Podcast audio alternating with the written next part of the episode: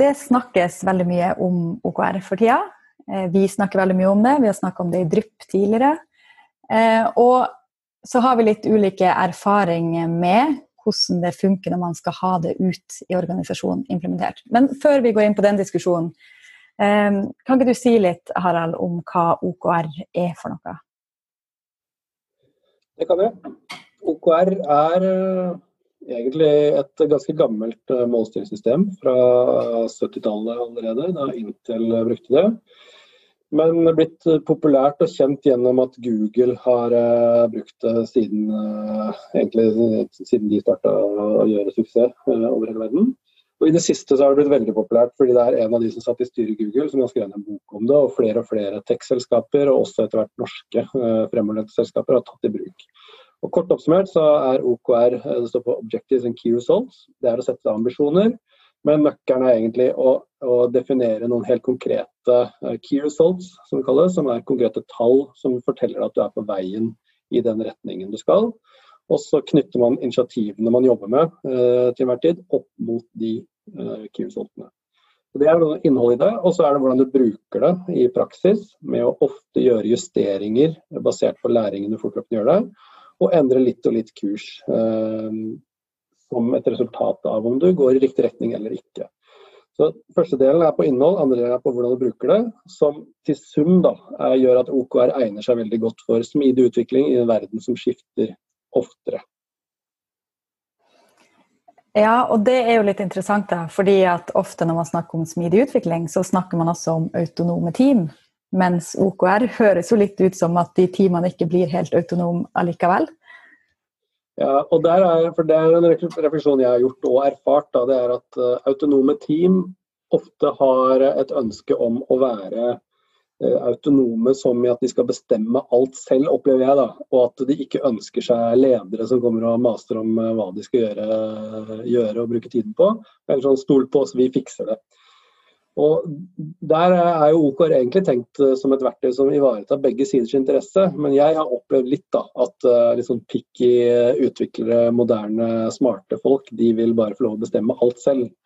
Og der, Det har jeg erfart first hand. da. Det er min provokasjon i dag.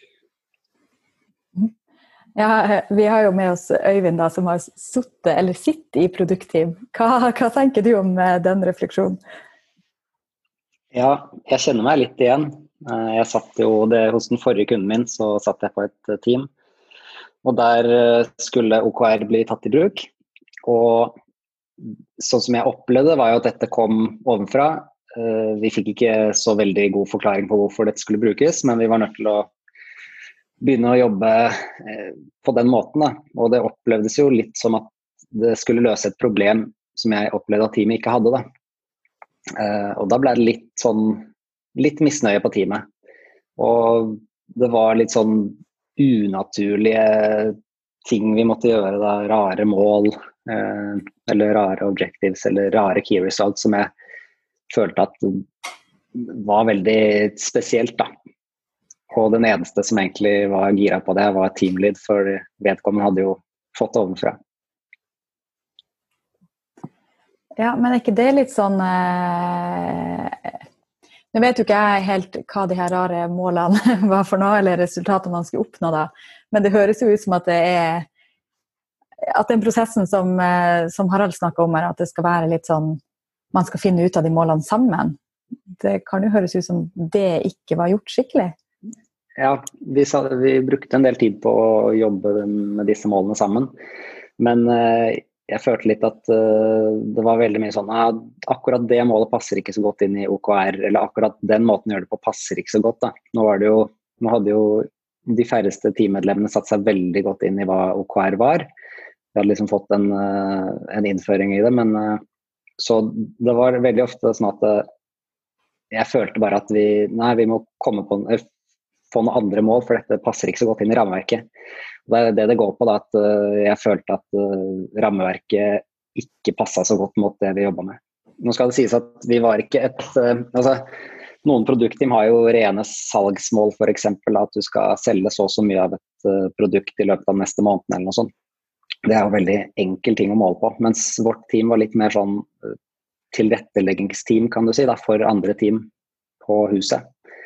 Så vi sleit litt med å finne ut hvordan vi skulle måle det arbeidet vi gjorde. da. Uh, og i tillegg en annen ting vi sleit litt med, det var det at vi, vi jobba mye med at ting skulle bli så smooth som mulig i de produktene vi lagde. Og det er veldig vanskelig å måle smoothness. Uh, det, kommer, det, det, er jo ikke OKR spesifikt, men det å måle at ting funker skikkelig bra, det syns jeg er vanskelig.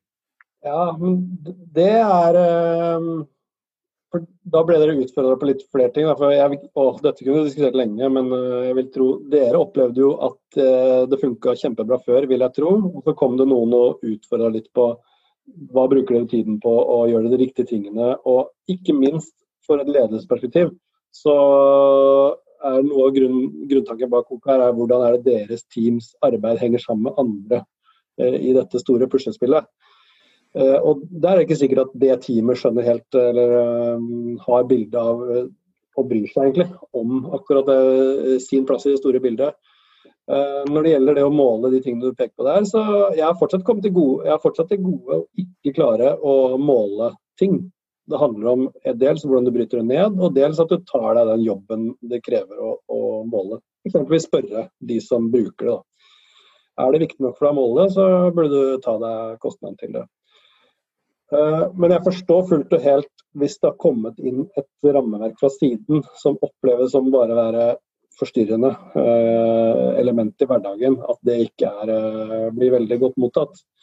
Men det du sa der med at dere var deres team hadde mange avhengigheter hit og dit og, og jobba og var tilretteleggere, så er OKR som hånd i hanske for dem. Fordi det dere hadde fått, hvis du hadde håpet sett nå et år senere, er at søsterteamene også hadde OKR-er. Og de skal jo snakke sammen, og det er et rammeverk som, som legger til rette for at den samhandlingen skjer og synliggjøres, og at man jobber mot samme mål. Eh, og så tror jeg ikke den effekten der eh, syns over natta, men når man er oppe og står, da, så, så er det i hvert fall muliggjører for bedre samarbeid. Og for de lederne som sitter og har en interesse i hva er det teamene mine bruker tiden på, så vil det gi en kjempemulighet da, til å sitte og vurdere ressursinnsatsen hit og dit. Mm. Jeg, ja, unnskyld. Nei, ta, Eivind, så er et annet aspekt ved det samme. Jeg er absolutt ikke en sterk motstander av OKR. Jeg bare opplevde at det funka ikke så smooth på det forrige teamet og prosjektet mitt. Men en ting jeg syns det funka bra for, det var å klare å uh, å se at teamet drar i samme retning, eller jobbe med riktige oppgaver. Uh, tidligere, hvis noen sa at de jobba med det og det og det, så var det liksom litt vanskelig å vite om det egentlig var en oppgave som var viktig for å nå målet. Men uh, det, når man hadde veldig klart definerte mål på teamet, så var det enkelt å se om en oppgave hjalp mot det målet eller ikke. Da. Men hvis litt av problemet her, da, det høres ut som at eh, noen har liksom følt litt på at her kom det et eller annet fra sida som blir litt tredd over hodet på deg. Hvordan skal man unngå det, da? Altså, er det noe man kan gjøre for, å, for at ikke de på teamet skal sitte med den følelsen av at det her er egentlig ikke så relevant? Jeg kan ta et annet, eksempel uh, hvor teamet var veldig for eh, OKR. Men så, kjørte jeg var med å fasilitere workshops for å få opp disse key results. Og, og avstemme det mot uh, teamledelsen. Da. Og da mellom to, uh, fra den ene workshopen til den andre, så oppdaga vi som fasiliterte at salg var helt glemt. I, det var glemt å sette mål på salg, som er uh, det viktigste for selskapet og ledelse i selskapet. Produktteamet sin hovedmisjon var å selge mer. Men det var rett og slett glemt, og det er helt fair. Men da jeg som fasilitator kom tilbake i workshop 2 og sa det, her forrige gang glemte vi rett og slett hele det temaet salg.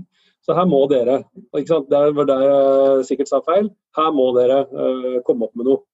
Da var jeg representant for ledelsen som sa dere må gjøre dette.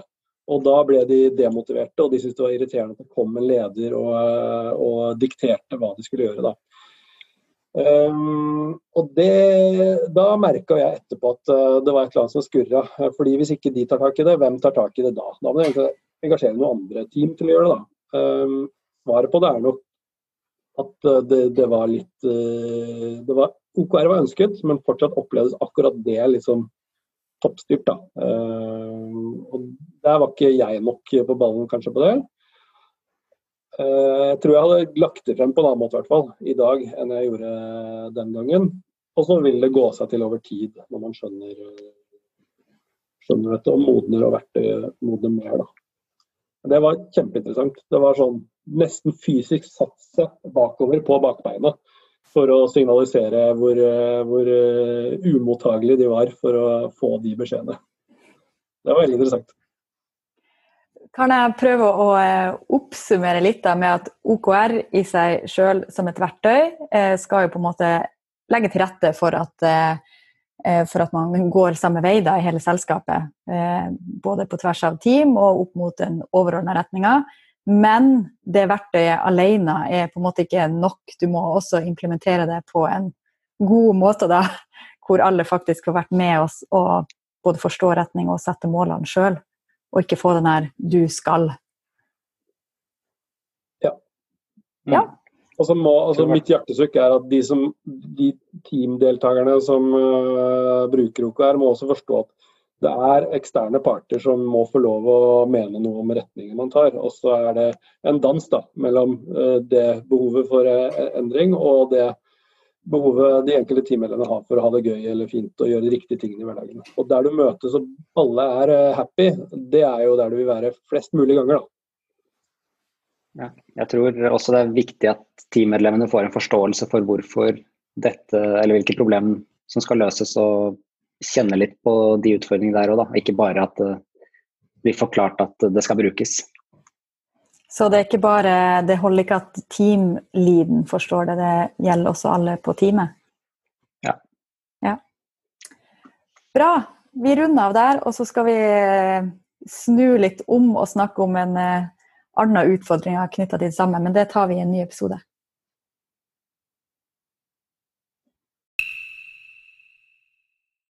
Drypp er en lavterskelpodkast fra Beck, hvor vi diskuterer diverse temaer som interesserer oss. Og Hvis du har et tema som du har lyst til at vi skal snakke om, eller du vil være med på en innspilling, ta kontakt på drypp.beck.no.